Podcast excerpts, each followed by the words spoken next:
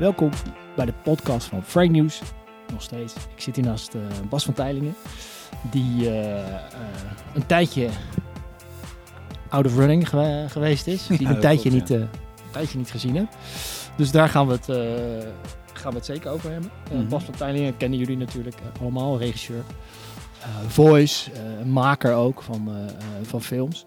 En eh, eh, ja, we gaan het eens hebben over eh, media marketing, maar we gaan het ook hebben over, over Bas zelf, die ja, iets heeft meegemaakt wat, wat nogal pittig, pittig was. Kan, Ja. jij, kan je daar iets over, over vertellen? Nou ja, ik had een burn-out. Ja, En die, ja, die sloeg zeg maar eind vorig jaar toe. En ehm, daar ben ik gelukkig weer van hersteld. Ja wa- want was dat iets op een op de andere dag? Sloeg dat toe? Of, eh, nou ja, het bouwt zich op Nou waarschijnlijk. ja, het bouwt zich op en je hebt het eigenlijk niet door. Hmm. Dat hoor je van heel veel mensen die een burn-out hebben. En ehm, ik heb mijn hele verhaal opgeschreven en dat Ja. staat eh, op eh, holistic.nl. En ik had het gepost op eh, LinkedIn. Ja. Dat is meer dan 15.000 keer bekeken. Ik heb het gelezen, het is mooi, een mooi verhaal, eerlijk. Ja, En, eh, zoals het was. Ja, zo. Ja. En eh, wat ik het mooi vind is dat ik heel veel reacties heb gekregen van mensen. Ja, Eh, mensen eh, ja, die ik niet ken, eh, zakelijk of, eh, of privé. Eh, maar mensen die het eigenlijk allemaal herkennen. En het schijnt een enorm taboe te zijn. om daarover Eh, te praten. Ja, want ik heb heel veel reacties gekregen van mensen van bedankt voor je openheid en je eerlijkheid. En eh, ja, voor mij was dat heel normaal. Maar dat ligt misschien aan mij om daar wat over te zeggen en Ja. dat te willen delen. Ehm, en ook om, om, weet je, waar wij het wel eerder over gehad hebben. Als je naar LinkedIn kijkt en sowieso social media, dat het eigenlijk altijd eh rozige maneschijn is. Het is altijd feest. Het is Het altijd, is altijd feest en we hebben weer die klus binnengehaald. En we hebben weer dat en we hebben dit succes en we gaan die aannemen. We gaan dit kopen en we gaan daar naartoe. Ja. En ehm, omdat ik daar zelf eigenlijk zo'n schurftekel aan heb, dacht ik nou, dan vind ik dit ook bij uitstek iets om te delen eh, op social media. Ja. En eh, ja, en het leuke is dat er eigenlijk heel erg positief op gereageerd eh, wordt. Het, het was niet leuk, Nee. maar eh, ik ben ondertussen weer eh, hersteld. En ehm, ja, dat maakt dat ik er eh, gewoon rustig over kan praten en eh, het erover kan hebben. Mensen moeten het natuurlijk lezen, eh, eh, het verhaal. Want het is heel int- interessant om te kijken hoe zich dat heeft opgebouwd en wat je er dan aan kan doen. Ehm, kan je daar iets over vertellen? Wat er, wat er gebeurde met jouw lijf dat dit, dat dit kon gebeuren eh, uiteindelijk? Wat, wat, eh, Nou, kijk, het, het, eh, wat er bij een burn-out vaak aan de hand is, is dat, eh, dat je de volledige balans kwijt bent. En eh, in mijn geval is dat eh, gewoon heel hard werken geweest, te hard werken en niet goed voor mezelf zorgen, lichamelijk en geestelijk.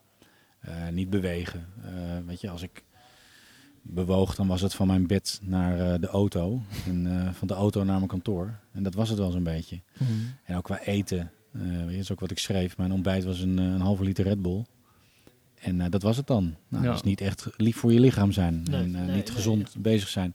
En daarna slikte ik medicatie die ik ooit van een arts had gekregen. En die, die ondertussen slikte die al, al 20 jaar. Met sla voor te slapen, hè? Om te slapen inderdaad. Ik was last van restless legs. En eh krijg ik clonazepam. Ja, daar ga je heel sluimerend steeds meer van gebruiken. En dan ga je naar de huisarts en zeg je... Ja, ja ik vind het eigenlijk niet zo prettig om zoveel medicatie te gebruiken. Is er wat anders? Nee, er is eigenlijk eh, niet heel veel anders. Ja, een ander soort PAM, maar voor de rest eh, weten we het niet. Nee. En wat je daarmee doet is dat je gewoon eh, de signalen die je lichaam eigenlijk geeft... dat je te hard werkt of verkeerd bezig bent, volledig onderdrukt. Ja, totdat je lichaam op een gegeven moment zegt, nu is het klaar. Nu stoppen we ermee. En dat had ik tijdens een wandeling, dat ik gewoon in elkaar zakte. Je liep met je vrouw? Ja, ik liep met mijn vrouw en met een bevriend stel. En ja, ik zakte gewoon als een pudding in elkaar. En het werd gewoon zwart. Het is gewoon op. Was gewoon op. Ja, zoals een eh, psycholoog tegen mij zei. ehm, weet je, als je mobiele telefoon ehm, nog 4% heeft, dan weet je dat je je telefoon moet gaan opladen. Ja. Je kan niet bellen met 0%. En wij mensen denken dat we dat wel kunnen. Wij denken dat we, als we geen energie meer hebben, dat we toch door kunnen gaan. En op een gegeven moment zeg je je lichaam gewoon klaar, afgelopen. En eh, de meeste mensen met een burn-out hebben een bijnieruitputting. En ehm, ja, dat, dat eh, resulteert in, eh, in je lichaam wat, wat gewoon aan de rem trekt. En is dan de, zo'n conclusie meteen van iets moet anders? Of, of, of dan, want er volgde wel een zoektocht eigenlijk. Nou, er volgde, een, er volgde een enorme eh, zoektocht. Eh, omdat ik eh, ook nog wel eigenwijs ben. Een beetje hardleers. Dat hoorde ik op de lagere school al- altijd al. Jij denkt als ik het een beetje rustig doe, dan hadden we... Ja, nou ja, wat ik ook in dat stukje schrijf. Weet je, ik, ik moest van een psycholoog een uur gaan wandelen per dag. Maar ik liep tien minuten al naar de Albert Heijn. Ik haalde twee bakken Ben Jerry's en ik liep tien minuten terug. En ik kon de wandeling afvinken voor mezelf. Nou ja, Ja. zo werkt het natuurlijk niet. Nee. En, en minder schermtijd. En dan denken, nou ja, dan ga ik gewoon lekker heel Netflix afkijken. Dat werkt ook niet. nee. En, ehm, en omdat dat niet werkte en ik eigenlijk gewoon niet vooruit kwam, maar veel dieper in de, in de, in de put zakte. Want het is ook zo, als je een burn-out hebt, ehm, je houdt het heel lang vol omdat je lichaam gewoon op adrenaline doorgaat. Mhm. Maar eh, ja, op een gegeven moment is het op. En ook de adre- adrenaline is op een gegeven moment op. En eh, ja, toen zag ik een, ehm, een post op Facebook van iemand die naar een, eh, naar een kliniek was geweest in Spanje, Marnes. En eh, toen ben ik eens op die site gaan lezen. En toen eh, dacht ik, nou, dit klinkt goed. En ook het mooie daarvan was, of is, dat het daar gewoon... je zit daar zes weken totaal offline. Ja. Ehm, en er wordt als het ware voor je gezorgd. En je krijgt gezond eten, je krijgt therapieën, je krijgt personal training, je gaat wandelen, je doet yoga, de whole shebang. En daardoor moet je wel. Je kan niet weglopen voor jezelf en voor je eigen traject. En eh, nou ja, dat is wel, eh, klinkt een beetje eh, pathetisch, maar dat is wel mijn redding geweest. ja, want dan zit je daar. Je zat daar zes weken? Ik heb er zes weken gezeten, totaal offline. Ja. En ehm, ja, dat was wel even wennen. Als, als social media verslaafde. Ja. 2,5 uur per dag op Instagram zitten. En dan eventjes... Je hebt daar ook geen wifi, hè? je hebt daar ook geen bereik. Dus je kan niet bellen. Je kan met een telefoon vandaar kun je één keer per week naar huis bellen. Dus ja, je wordt wel teruggeworpen op jezelf. En dat, eh, dat zet je dan aan het denken. Dan ga je wandelen daar en dan ga je... Ja, dan word je helemaal gek. Ja? ja, dat zeker.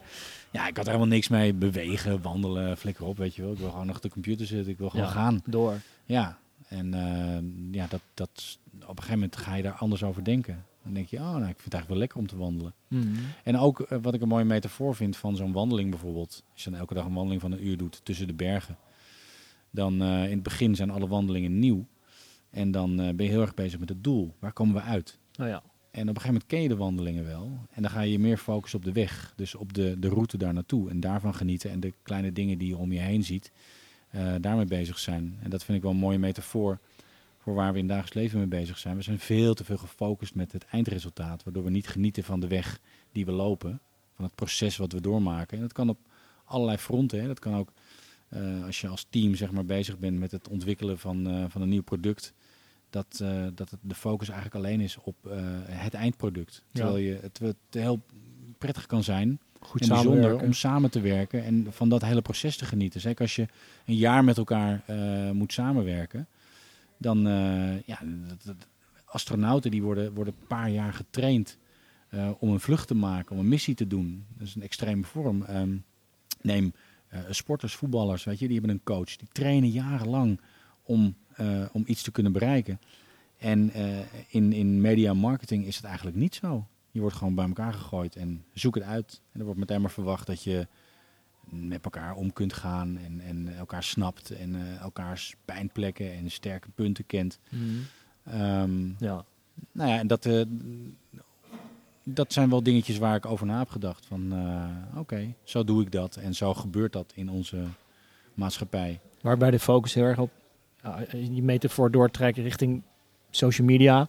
Waarbij het heel erg gaat om de rush, uh, het effect, de Ja. likes. Uh, Ja, dit is leuk, dit is lachen. En, eh, En het is ook bijvoorbeeld op, op een iPhone, die rode eentjes, dat is echt psychologisch onderzocht dat dat werkt bij mensen. De kleur rood en die getalletjes. Mensen willen daardoor, die push-notificaties, ze willen daardoor kijken, wat, wat, wat, voor bericht heb ik? Ik moet nu kijken. hmm. En uh, ik heb dat al een tijd geleden uitgezet, omdat ik daar gewoon knettergek van werd. En ik kijk gewoon wanneer ik wil. En dan zie ik wel of ik berichten heb. Ja. En, ehm, Maar altijd, dat, eh, dat, altijd dat op het effect inderdaad. En dat is natuurlijk... eh, eh, ja, dat, dat, het gewone leven is veel, laten we zeggen, langzamer. Of het gaat veel geleidelijker. En dan moet je eens om je heen proberen te kijken. eigenlijk veel waardevoller. En. Weet je, als je kijkt in, in media marketing, dat ehm, ik denk dat het goed is om te kijken wat je voor, voor waarde kunt toevoegen aan iemands leven. Waarbij je eigenlijk ook eh, ja, toch wel vanuit een ethisch perspectief kijkt. Ja. Ik denk dat daar toch vaak aan eh, voorbij wordt gelopen. En daar ben ik zelf ook schuldig aan geweest in het verleden. Dat eh, zal ik niet ontkennen. Nee, maar ehm, het moment dat je, dat je het echt even niet meer ziet zitten. En dan merkt dat, eh, dat Instagram en Facebook en LinkedIn eigenlijk gewoon bullshit zijn. Ja, en dat het gaat om, eh, om, je, om je gezin. In mijn geval mijn vrouw en mijn kinderen en mijn hond, weet je wel. Dat soort dingen. Dat wordt dan echt belangrijk. Ja. Maar dat merk je eigenlijk pas in een moment van crisis. Daar ben je eigenlijk niet mee bezig, want dat, dat, dat is er op een Ja, je neemt het voor lief, Ja. dus je gaat gewoon door. En, ehm, en je ziet het nu heel erg mooi om eh, meteen een bruggetje te slaan naar eh, eh, de, de hele nieuws-hype rond het coronavirus. Ja, je, Het wordt zo ontzettend gehyped en we worden zo ontzettend bang gemaakt. Terwijl het eigenlijk gewoon onnodig is. Maar dit is, weet je, de, de, de, de, ik geloof de best verkopende krantenkop, ik heb het wel eens gezegd, is war. ja, ja, ja. ja, ja. En ja, dat is zonde. Want eh, eh, we hebben ook wel positiviteit nodig in ons leven. En ik kwam op een, eh, op een stuk. er wordt heel veel gezegd over het coronavirus. Hè? En, Ja. en ik kwam op een stuk op knak.be Ja, van Jos. Frank, ja. een Belgische platform. Ehm, ja, die schrijft een heleboel dingen die ik heel erg interessant vind over het hele mediacircus Mhm. circus. Weet je? Dus hij schrijft bijvoorbeeld. Eh, de media pakt met, met, eh, uit met alarmerende cijfers en dramatische toon. Dus telkens opnieuw al zoveel besmettingen, al zoveel doden. ja. Eh, het coronavirus in combinatie met, met de term dodelijk. Het is heel erg veel drama. En ehm, eh, als je dus kijkt dat gewone longinfecties per jaar rond de 300.000 slachtoffers maken in China. We zitten nu ongeveer op de 2500 doden. Ja, ja. En een gewone griep eh, veroorzaakt eh, tussen de 250.000 en 500.000 overlijdens per jaar. En niemand maakt zich daar zorgen over. Nee, want dat is er gewoon. En, uh, is er gewoon. kwetsbare mensen vaak... eh, Ja, en nu, en nu zijn het vooral de mensen die, die kwetsbaar zijn. Dat zijn ook mensen die aan griep doodgaan. ja. En dan, ik, weet je, ik zag ook een stukje over, eh, dat zag ik op nu.nl, van oké, er was een onderzoekje gedaan, wat, wat werkt er nou wel en niet? En dat is zoals die mondkapjes die overal massaal uitverkocht zijn en handzeep. Werkt niet. Het werkt helemaal niet. Nee, kansloos. Ja, en dan eh, zie ik dingetjes voorbij komen met, met eh, ja, de inhakers, weet je, waar kruidvat eh, massaal eh, uitverkocht en, en dat soort dingen. En ik denk, het is gewoon een media-hype. Ja, ze hebben eh, wat onderzoek eh, eh, gedaan daarna, eh, daarna, naar hoe die berichtgeving in elkaar zit. Dus landelijk over de hele wereld de kranten, of over de hele wereld de kranten gaan bekijken. Eh, Gert-Jaap Hoekman van nu.nl had het daarover in zijn podcast afgelopen week. Dus ik ben even gaan kijken. En zij het Karin Waal Jurgensen heeft daar onderzoek naar gedaan. Mhm. Universiteit van Cardiff. En die is dat gewoon gaan analyseren. En eh, eh, dan blijkt dus dat eh, ze had het over eh 9387 artikelen en dan staat er 1066 keer iets met veer Ja, ja, in het verhaal. ja. Oftewel, oftewel heel vaak gaat het over angsten, Ja. daar speelt het op in. En de, de aandacht voor dat coronavirus is ook veel, veel groter dan bijvoorbeeld dan Ebo- ebola. 23 keer meer aandacht eh, aan corona dan aan ebola bijvoorbeeld. Ja, en ik kan, hem Dus ook, ik kan me ook met SARS en met eh, vogelgriep niet Ja. herinneren dat het zo heftig was als, als nu. Nee.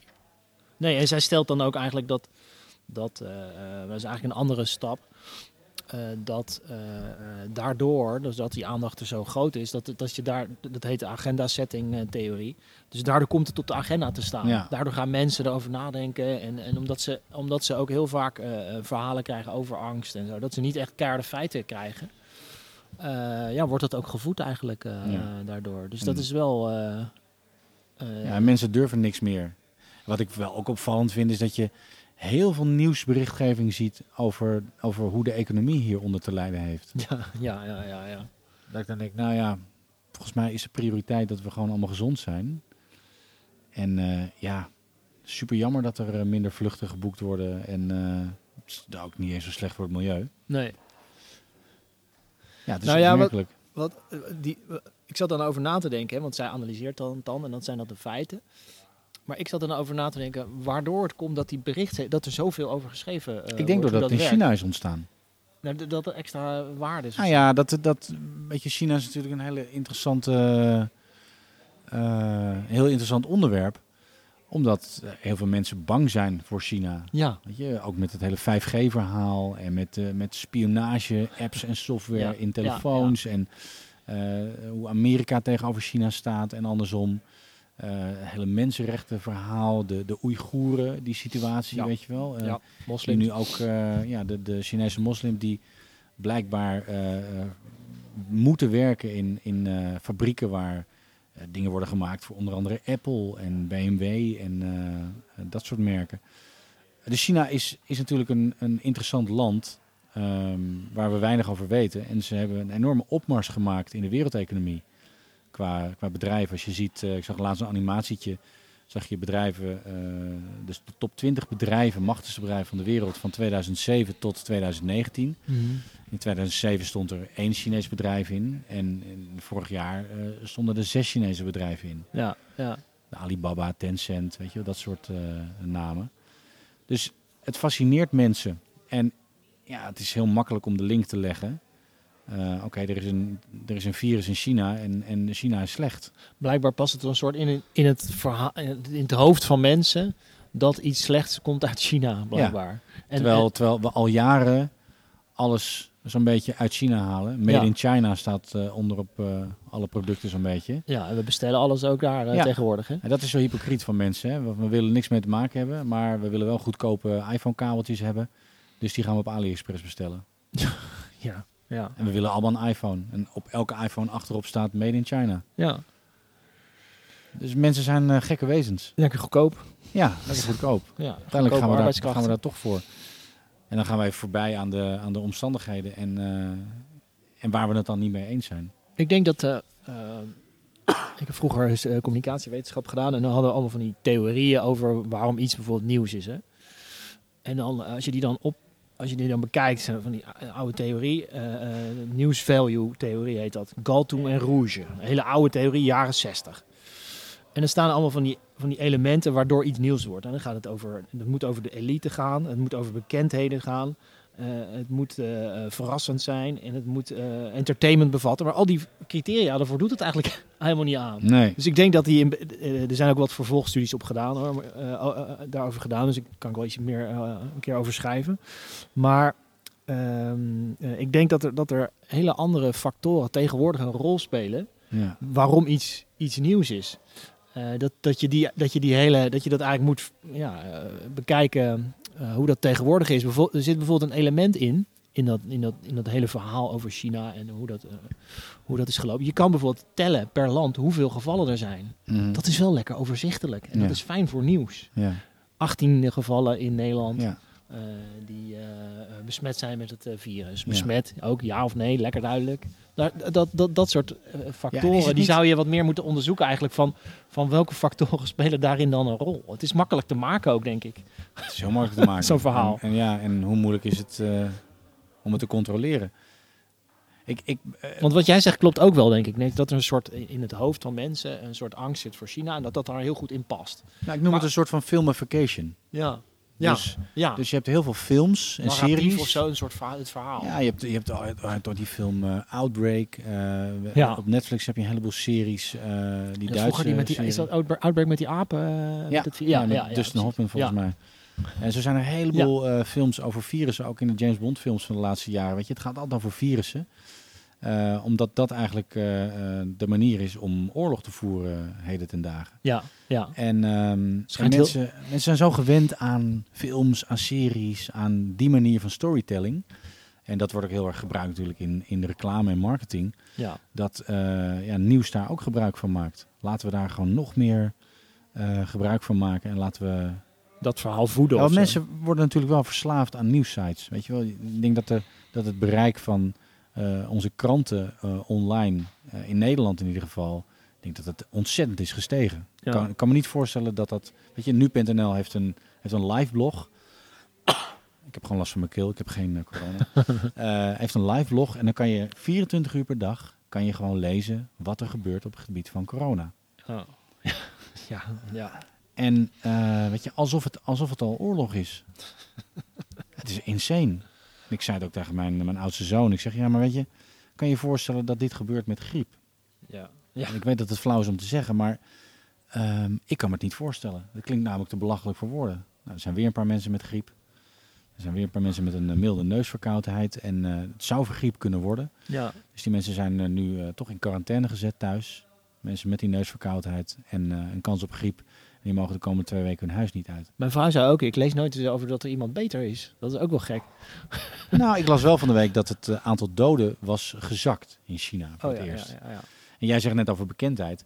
Bedoel, ja, dat zal wel hot nieuws zijn als een bekend iemand Oh ja, dan voor het nog. eerst corona Zou krijgt. het vergroten, ja. ja. Justin Bieber heeft corona. Ja, dat is een wereldnieuws. Ja. ja, dan zou het nog wel extra worden. Ja, Ja, En dan vindt iedereen het opeens nog erger, ja. omdat het een bekend iemand is. En die huisman heeft coronavirus. Ja. ja dat... ja. Nee, het is ook wel... Ik vind ook wel de manier waarop. Bijvoorbeeld in, in Hout, eh, waar ik woon, eh, was een geval eh, geconstateerd. En dan staat er in het dorp, eh, of, of op ad.nl, dan hebben ze dan Mhm. iemand... Nou ja, je, je begint best wel leuk. Dat verhaal gaat over de feiten. Leuk, interessant of goed. eh, gaat over de feiten. Wat is er Ja. gebeurd? Die is gecontroleerd. Die is daar geweest. Dit is er aan de hand. Nou, maar op een gegeven moment gaan ze dan een dorp in dan. Hè? Dus met zo'n Ja. microfoon. En dan, en dan gaan ze iemand vragen, wat vind je ervan? En dat staat dan in het verhaal. Normaal had dat een verhaal niet. Maar dan staat er, al sinds ik voor het eerst van het coronavirus heb gehoord... heb ik het vervelende voorgevoel dat ik het zelf ook een keer ga krijgen. Ja. En nu is het dan in het dorp. Fijn vind ik het niet. Zegt bijvoorbeeld een jonge Houtense. Ook nog bij zegt dat hij jong is. nou, dat soort dingen. In de plaatselijke drogisterij zijn de flesjes eh, handzeep uitverkocht. Ik was eh, de Houtense eh, was er speciaal voor naar de winkel gekomen. Je wilt er toch alles aan doen wat je kunt om erger te voorkomen, zegt ze. Nou ja, en dat soort, dat soort teksten die, die voeden natuurlijk een soort ja, massahysterie. ja, een soort Ja. massa, een soort angst die en, en Ja. totaal, eh, totaal niet relevant. Want, eh, Nee, je had ook zo'n artikel kunnen eindigen met, met gewoon eh, stick to the facts en dit is er aan Ja. de hand en je, zoveel die gaan er misschien dood aan, maar, maar alleen als Ja, je en dat is, dat is ook het, eh, het vervelende, dat je maar delen eh, ontvangt. Want mensen, weet je, dit soort verhalen of stukjes hiervan worden totaal uit zijn verband getrokken ja, eh, en op social media geplaatst. Weet je, dan krijg je de bekende meme, maar het heb op Facebook gestaan. ja, ja, dan is het waar. Ja, dan is het waar. Maar het is, eh, het is allemaal zeer tendentieus. Ja. Dus het, ja, ik, ik ben heel erg benieuwd waar het naartoe gaat. En ja, vind het ook zo opmerkelijk dat, eh, dat er ook zo'n verschil is. eh, in ieder geval in de Nederlandse berichtgeving. Op het moment dat het nog niet in Nederland was, leek het wel minder erg. En het moment dat het in Nederland is, dan is het opeens heel erg. Ja, En dan komt het dichterbij. ja, en, dichtbij eh, is ook wel een factor qua nieuwswaarde en zo. Ja. Ja. Maar nogmaals, vergelijk het gewoon met de griep. Ja, ja. Ga jij mondkapjes dragen als, als iemand griep heeft, als er een griepepidemie is? Ik niet. Nee. Ik heb niet eens ooit een griepprik genomen. Ik zat trouwens ook te denken, die, eh, eh, hierover gesproken, en dan gaan we naar het volgende eh, onderwerp. Maar ik hoorde die jongen van AD eh, Digitaal, hoorde ik in een podcastje. eh, en hij zat in het mediaforum. Eh, Jaap van Zes heette. Die vertelde, eh was hartstikke interessant, over hoe dat bij AD.nl werkt, eh, gedeeltelijk. Ja. Wanneer iets nieuws wordt. Oké. En een van de factoren die meespelen, kijk, allerlei factoren natuurlijk, is dat ze gewoon een soort Facebook-appje hebben. Ik weet niet, eh, schijnt, die schijn je gratis te, eh, voor media schijn je ze gratis op je telefoon te kunnen zetten. Wat er zeg maar op Facebook eh, eh, Leeft. leeft en wat er bovenaan staat qua onderwerpen. Ja. En dat is een hele belangrijke leidraad voor AD.nl om daar een verhaal over te maken. Dus als zij over, eh, eh, weet ik veel, eh, konijnen praten over Facebook, dan is er, wat- oh, is er dan een konijnen? Is er wat aan de hand en zo? Nou, Ja. een konijn- dan komt er een konijnenverhaal, even gechargeerd gezegd. Ja.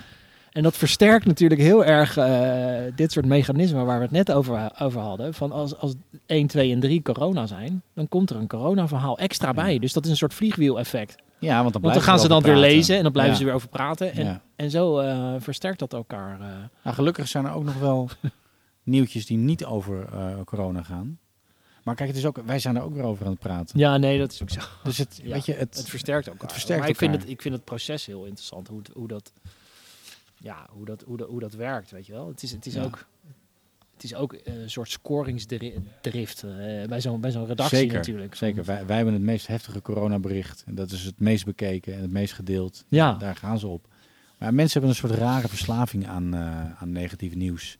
Ik weet dat uh, schrijver Eckhart Tolle heeft daar ook wel wat over geschreven. Over dat we voeden daarmee het collectief pijnlichaam. Dus we maken eigenlijk de, de wereld zieker door alleen maar negatief te zijn. Ja, ja, ja. En het is ook zo, hè? Lees kranten, lees nieuws, kijk nieuws. Het positieve nieuws is misschien uh, dat Nederland naar het Songfestival gaat, dat er een ijsbeertje geboren is. Ja. Maar voor de rest, positief nieuws vinden journalisten niet interessant. Nee. Jij bent journalist. Waar, jij, schuld. Nee, maar jij gaat, jij gaat Nee, liever maar- over iets heftigs schrijven. Dus je moet kiezen tussen eh, eh, Donald Trump wordt afgezet. Eh, of eh, er zijn 25.000 kinderen in Soudaan gered. Ja. Ja, waar wil je wat over schrijven, Bas? zeg het maar. Lastig. Ja, nou, het feit dat je erover ja, moet ja. nadenken is zegt al genoeg. Nou, ik vind altijd de... de ja, ik ben niet zo'n nieuws, eh eh, keiharde nieuwsjournalist. Want ik kijk al, ik vind het leuker om te kijken of er een soort wat ach- achter dingetje, Mhm. dingen zit. Dus de processen meer. Nee, maar je hebt een journalistieke opleiding en achtergrond. Ja. Dus waarschijnlijk wordt daar ook gewoon geleerd. Dat weet ik niet. Nee, ik heb communicatie gedaan, dus ik heb niet echt eh, journalistiek gedaan. eh, nee. Maar, ehm, dus ik, weet, ik, heb, en ik heb ook nooit, eh, ja, wel eens op een krantenredactie gezeten, dus ik weet wel een beetje hoe het werkt. Maar niet, ik heb niet tien jaar op een redactie. Maar hoe werkt dat dan op zo'n redactie? Nou ja, er is een ochtendvergadering om tien uur. En die ochtendvergaderingen nu, die worden gewo- gewoon geopend met we moeten iets met corona. Ja, ja. ja. Ja, zo werkt het gewoon. Er zit Ja. gewoon een chef. En die zet dat gewoon op een agendaatje. Die maakt 's ochtends eh, om half tien eh, voor de tien uur vergadering een agenda. En er staan zes onderwerpen op. En één van die onderwerpen is... eh, wat kunnen we nog schrijven over corona Ja. dat nog niet zoveel geschreven is? ja. Ja. Hebben we iets nieuws? Ja, dat zit gewoon in dat systeem Ja. ook. Nou, het zou mooi zijn als het wat meer zou gaan vanuit eh, informatie delen. Want het zit ook wel het zit ook in de mens. De mens wil dat ook wel. Hè? Het, is, het is niet alleen maar de schuld van Ja, de maar er moet er, nee, maar er moet er wel een soort van balans zijn. Ja, Kijk, wat je net zegt over dat stuk. Als het was afgesloten met een feitelijk stukje Ja. van... Oké, maar als we het vergelijken Met of als we zien, eh, weet ik veel wat... of het valt op zich wel mee. Weet je, dan heb je de totale balans van het verhaal. En nu zie je vaak gewoon maar één kant. En dat vind ik jammer. Ja, nee, dat is ook zo. Dat is ook zo. Wat, ehm, ehm, even het bruggetje makend richting het volgende onderwerp. Mag ik nog één Ja, dingetje erover vertel zeggen? Eh, waar ik wel nog. Beetje verbaasd over was... was. Was ook een beetje wankelbruggetje. Nee, Nee, viel, nee, mee. maar, nee, nee, viel maar mee. ik, wat, ik, wat ik opmerkelijk vind is dat eh, er was een liedje gemaakt door Ja. een radio-dj, Lex Gaarthuis. Ja, En, Veronica of zo? Nee, Radio 10 was Oh, het. ja. En Oh ja, of nou, Chinezen. dat, dat, was, dat, was, dat was satire. Dat was gewoon comedy. Ja. En dat vind ik wel, dat vind ik wel een beetje eng worden. Dat satire niet meer mag. Terwijl we in Nederland in een vrij land leven. Ik bedoel, ja, als je te ver gaat, ga je te ver.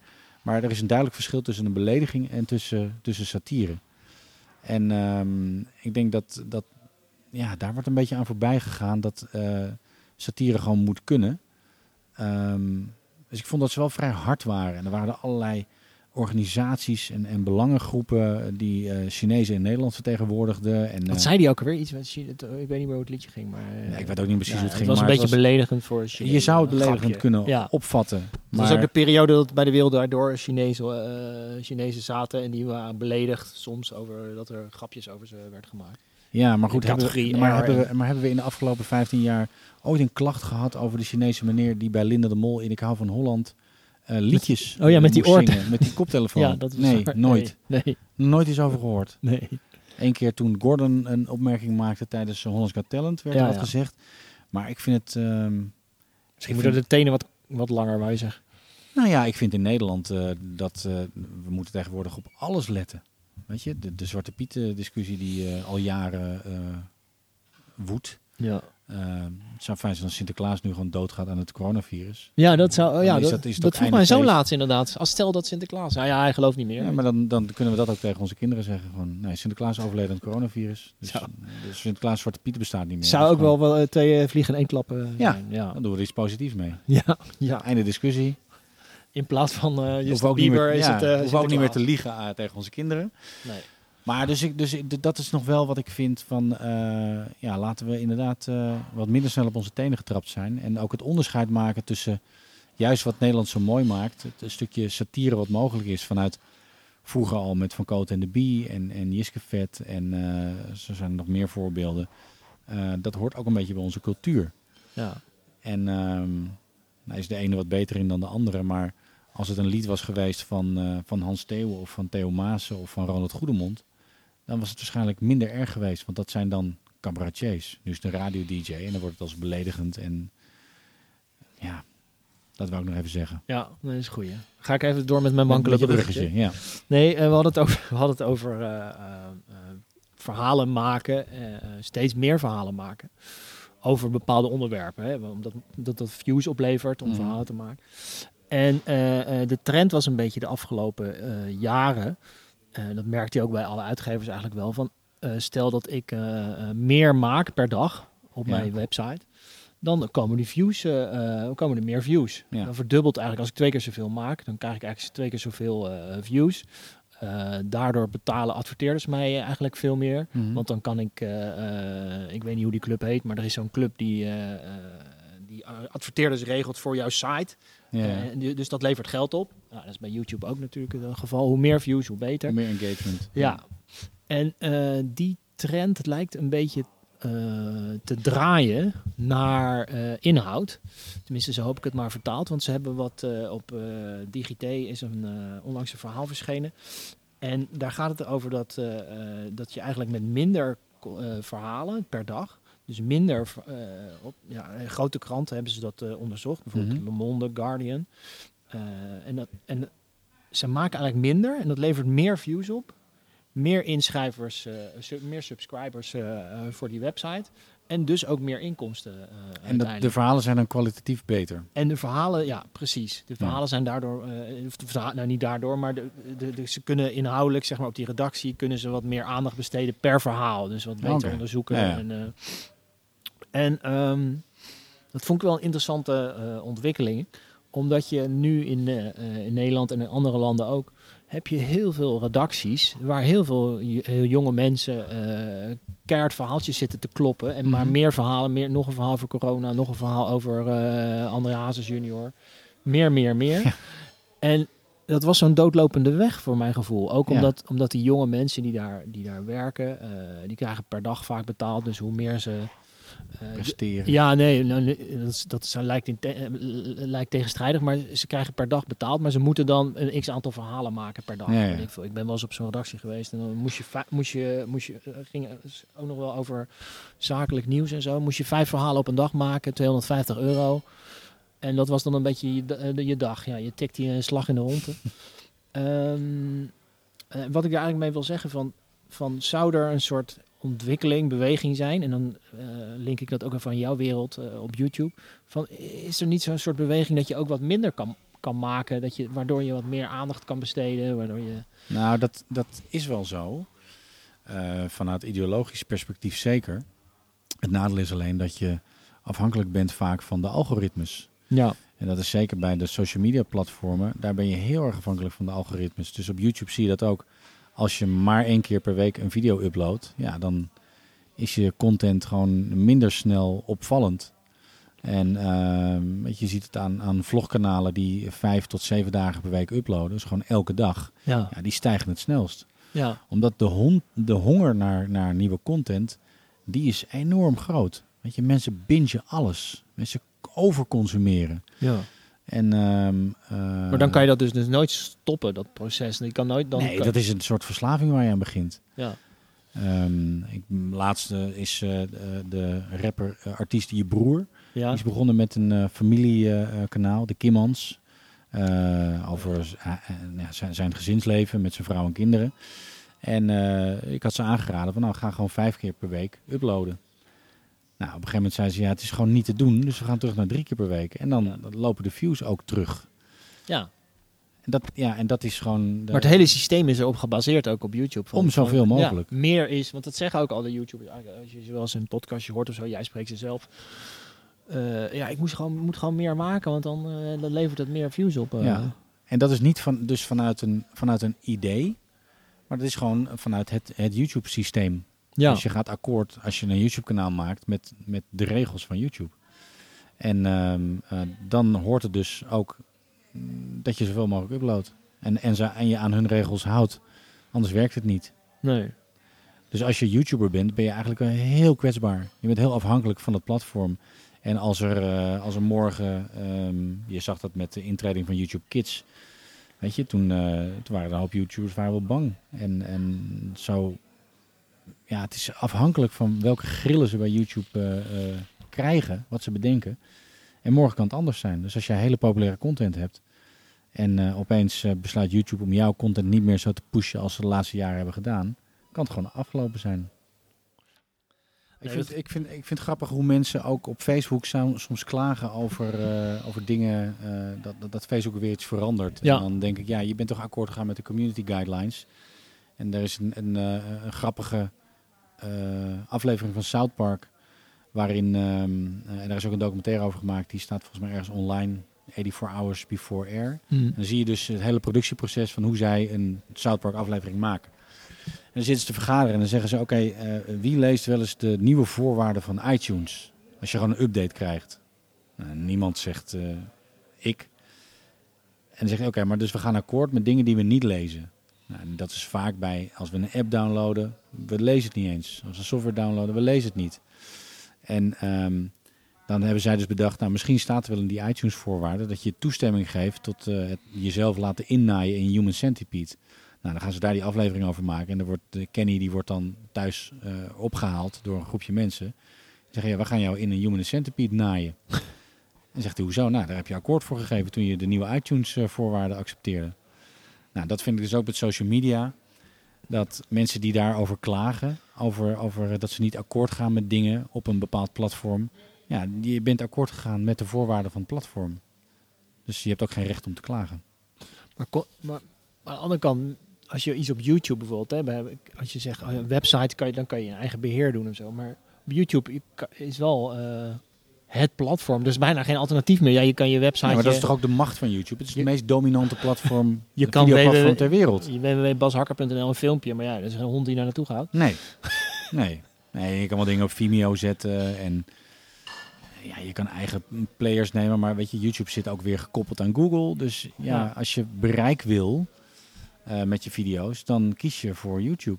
Weet je, dus ook bedrijven die gewoon een YouTube-video nemen, zodat hun vindresul- zoekresultaten bij Google gewoon hoger zijn. Want als je iets intypt, krijg je ook altijd video eh, voorgesteld. En als je als bedrijf geen video hebt, nou, dan eh, sta je al eh, op de tweede pagina. Daar werd, werd wel eens bagatelliserend over gedaan, hè? Over, de, over dat je eh, als influencer of eh, YouTuber, dat het hard werken is ook, hè? En dat, dat, Mhm. dat het over je burn-out. Eh, dat dat wel, ja, dat dat wel is, dat kan veroorzaken. Omdat je alleen maar bezig bent, ik moet iets uploaden, wat moet ik nu weer voor... voor, Nou, dat is het gevaar. Dat, niet, dat is niet Hmm. mijn burn-out reden hoor, maar het is wel het gevaar van veel mensen. Nee. Dat eh, Bibi Breiman heeft een paar jaar geleden Ja. een burn-out gekregen. En ehm, het gevaar is dat je geen 9-to-5 job hebt. Nee. Je bent eigenlijk altijd aan. En, en eh, het werkt ook heel verslavend. Het, het succes, de getalletjes. Ik weet toen ik met YouTube begon, weet je, had ik, had ik eerst duizend abonnees. En toen vijf, en toen tien, en toen 25. En toen ging ik naar de 30, 40, 50, weet je wel. En dan, je wil gewoon door. En, eh, en, en je views, weet je, de eerste keer dat ik 100.000 views op een video had, nou, fantastisch. De eerste keer dat ik een miljoen video's, eh, views op een video had, ja, dat werkt heel verslavend. Dan wil je gewoon scoren. En ehm, als, het, als het die werk is, als je hier gewoon van afhankelijk bent, je ziet het met veel vlogkanalen, familievloggers, ja, eh, die gaan hele gekke dingen doen om maar eh, views te krijgen. Oh ja, dat is het gevaar ervan. En ook als mensen eigenlijk geen, geen grenzen hebben, geen normen en waarden. ehm, en, en ja, dan krijg je, krijg je hele gekke video's. Ja. Ja, Alles voor de views. ik weet niet wat ze bij ons eh, thuis volgen. Lapkapjes, volgens Ja, mij. ja, ja, ja. De Bellinga's misschien. ja. Ja. Ja, ja. Ja, ja wat zo. Ja, ik denk altijd, ik begrijp het niet als ik het zie. Maar nee, dat, maar dat hoeft ook niet. Maar hoeft kijk, ook niet. Dan, Nee, dan, maar- dan ben ik ook wel eens gewoon... Het maakt dan- zich dan mag je ook wel weer eens gewoon ook oud zijn. Dat je denkt van, ja, maar sorry, kijk, dit, wij, dit wij snap kregen, ik gewoon Wij kregen vroeger, naar de Real Life Soap van Frans Bauer. Ja, dat is waar. En, en wat dat betreft, en Patty Bart. En, dat, en dit is hetzelfde. En je Ja. hoeft niks met die mensen te hebben. En je, je hoeft het niet te veroordelen omdat andere mensen het leuk vinden. Het gaat Nee. erom Nee, dat die mensen alles zelf doen. Ja. En van de Bellinga's weet ik, die zitten gewoon, die zijn de hele dag aan het filmen met hun kinderen. En s'avonds zitten ze te monteren. Ja, En dan vraag ik me af, heb je dan nog wel tijd voor jezelf? Of is dit zo ontzettend je leven? Zit je niet in een soort van eigen Truman Show? Ja, ja.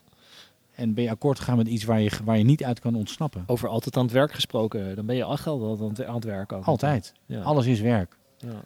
En dat vind ik ook wel vermoeiend qua social media. Wat ik, ik probeer het wel echt te minderen hoor. Eh, ehm, ik was alles aan het fotograferen en overal Instagram stories van aan het maken. Ja. Dat je op een gegeven moment ook denkt, waar ben ik in godsnaam mee bezig? Stop hiermee. Ja. En ik heb, ik heb denk ik eh 600 mensen ontvolgd op Instagram. Dat ik het eigenlijk niet interessant vind wat ze doen. Nee. Ja. Nee, wat moet je daar eigenlijk mee? Ja, Wat dacht moet je? daar eigenlijk mee? En dan zit je elk, elk moment zit je maar te kijken. En dan zit je gewoon door stories heen te klikken. Met het geluid uit. Je zit niet eens te luisteren. Tot, het is gewoon een soort van ja, eh, chips eten terwijl je televisie kijkt. En je hebt niet eens door dat je een hele zak chips leeg eet. Ik moest altijd wel, eh, eh, als je het over, want je, we gaan zo een einde eraan aan maken, deze podcast. Morgen, volgende keer weer meer te bespreken. Eh, maar je had het over eh, burn-out en over wat je, ja, hoe je daarmee om, omgaat. En wat ik interessant vind, eh, is eigenlijk dat ik ook veel lees over purpose en zo. Hè? Wat, wat, wat wil je nou als Ja. mens? En, eh, is dat iets wat je dan in die zes weken wat je tegenkomt dat je denkt van Ja. Jezus. eh, want, want ik had het wel altijd bij jou van, van volgens mij zitten, want er zitten heel veel dingen die je deed en doet die heel dicht bij jezelf zitten, waar, die, Ja. die, waarbij je echt met, met je hart verbonden bent. En ik had je ook wel eens dingen dat ik dacht van, oh, ik weet niet of, of, dat, of dat per se Nou, dat, een denk- filmpje voor bedrijf X, of dat, of dat iets is wat jij per Ik denk dat wil. iedereen het wel doet. En kijk, je, je focus is een beetje shift als het ware. Weet je wel? En soms kan de focus zijn dat je eh, veel met je gezin wil doen. En soms wil je eh, ja, iets ontwikkelen of iets creatiefs doen. En soms wil je met mensen werken. Nou, Eh, kijk, ik weet wel, zoals mijn boek wat ik heb geschreven, eh, Help Mijn Kind Zit op YouTube. Daar Ja. ga ik een theatertour mee doen. En dat is wel een purpose ding. Ja. Dat is wel een ding waarvan ik denk, oké. ja, je purpose is dan jongeren, jongeren eh, Nee, ou- eh, ouders gewoon ja, informeren. ouders informeren. Het wordt ja, een soort precies. van college tour als het ware Ja. in theaters door Nederland. En eh, ja, ik vind het gewoon prettig om ouders te informeren. Omdat ze het gewoon niet weten. En ehm, eh, dus daarmee denk ik wel dat ik iets doe wat, wat dicht bij mezelf ligt. Zeker. Ehm, en ja, purpose hoeft niet altijd heel erg, heel erg holistisch te zijn. Nee, nee. Ehm, het kan wel, zeker wel. Ehm, ik denk- vond het vroeger altijd een beetje onzin van purpose. En, eh, je moet toch ook gewoon Nee, geld ik- verdienen en zo. Maar ik heb de laatste jaren, misschien heeft het met leeftijd te maken of zo, dat je ook wel denkt van, ja, als ik nou gewoon eens ga doen precies waar, wat ik Waar je echt blij wil van doen, wordt, waar je blij ja. van wordt, waar je, waar je gewoon meerwaarde hebt, wat, wat echt bij je past en zo, dan eh, misschien kom je dan ook wel gewoon. Nou, dat, maar Kan je dan wel een en- hoop en- skippen? en vaak is de angst inderdaad eh, dat je er niet komt op die manier. Omdat we heel erg eh, eh, geconditioneerd zijn in hoe het moet. Ja. Zoals als kind word je geboren. En in deze tijd, weet je wel, als, als baby heb je eh, kinderspeelgoed wat al van Bosch is. En daar begint het al. En ehm, dus in hoeverre heb je een vrije keuze? Ik denk dat het, dat het keyword hier ook weer balans is. Je kan best wel iets doen waar je minder gelukkig van wordt. Maar als dat tegenover staat dat je iets doet waar je wel gelukkig van wordt, dan is het prima. Je kan ook niet alleen maar eh, in je blote reet eh, door, de, door de wei rennen. Nee, want nee, eh, je nee. moet ook een hypotheek betalen. ja, dat is waar. En, en, en ik vind het belangrijk, je, je, je kiest ergens voor. Hè? Je moet helemaal niks. Je moet niks. Je moet van niemand wat. Je kiest ervoor. En als je, als je niet in Nederland belasting wil betalen, nou, dan ga je in een ander land wonen. Waar een interessanter belastingtarief is. En eh, als je niet eh, die, die, die dure hypotheek wil, dan ga dan in een goedkoper huis wonen of ga iets huren of whatever. Dus je Ja. hebt altijd de keuze om iets te doen. En Zeker daarom ben je, je bent altijd zelf verantwoordelijk voor je geluk. Je, het is zo makkelijk om andere mensen verantwoordelijk te maken. Eh, weet je, hoe wij nu ook zeg maar, volgens mij redelijk beschouwend kijken naar wat er gebeurt rondom de mediaberichting van, eh, van het coronavirus. ja. Wij hebben de keuze om er op verschillende manieren naar te kijken. Daarom vind ik het prettig dat zo'n stuk van knak.be er is. Weet je, dat zijn de tegengeluiden. En ik heb het hier thuis met mijn vrouw en mijn kinderen ook gewoon Ja. over. En dan, ja, dan hebben we het met elkaar over dit soort dingen. En dan, doordat er ook een geluid en een tegengeluid is, komt er een balans. En ik denk, ah, oké, nou, het valt op zich wel mee. En, ehm, Kijk naar de feiten, kijk naar de RIVM-site. Ga eens naar de beste specialist die je kan vinden. En ga die, Precies. luister die is goed op een podcast. Dus neem. En skip de eh, rest. ja, neem, neem ook media in deze tijd. Ook met social media. Weet je, het heeft heel veel voordelen. Ook, ook eh, in, landen waar, eh, waar we de, de berichtgeving niet helemaal zouden kunnen vertrouwen, kunnen we via social media ook dingen zien eh, waardoor we een ander beeld krijgen. Want over het coronavirus gesproken, een oud collega van mij die woont in, in Zuid-Korea. En die had een heel stuk op Facebook geschreven over hoe de situatie daar was. Nou ja, als je dan de nieuwssites moet geloven, dan is het gewoon alsof The Walking Dead zich daar afspeelt. en als ik haar lees, dan ja, het is gewoon erg vervelend. En er is wat gedoe en er is een beetje paniek. Maar het is niet alsof er echt een wereldwijde eh, eh, oorlog is uitgebroken. Nee. Dus zorg dat je eigenlijk altijd twee kanten van het verhaal eh, belicht. En, en ook in je werkende leven, zorg dat je alle facetten van, van het leven aanraakt. En niet zozeer alleen het jagen naar succes. Een mooi boek geschreven door eh, eh, oprichter van Google X, Moga Dat. Oh ja, ja. Ehm, de definitie van, eh, van geluk. En daarin schrijft hij heel duidelijk over het verschil tussen geluk en succes. En ik denk dat wij in de westerse samenleving en misschien wel op de hele wereld veel te veel bezig zijn met, met succes en dat verwarren met geluk. Maar succes is geen geluk. Nee. Want het is leeg. Je kan er niet zoveel mee. Ja, dus die gouden medaille, medaille is niet altijd per se eh, zaligmakend, want het Nee, zijn ja. maar voor enkele. Frenkie de Jong zei het ook van de week een keer, eh, werd hij geïnterviewd over voetballen.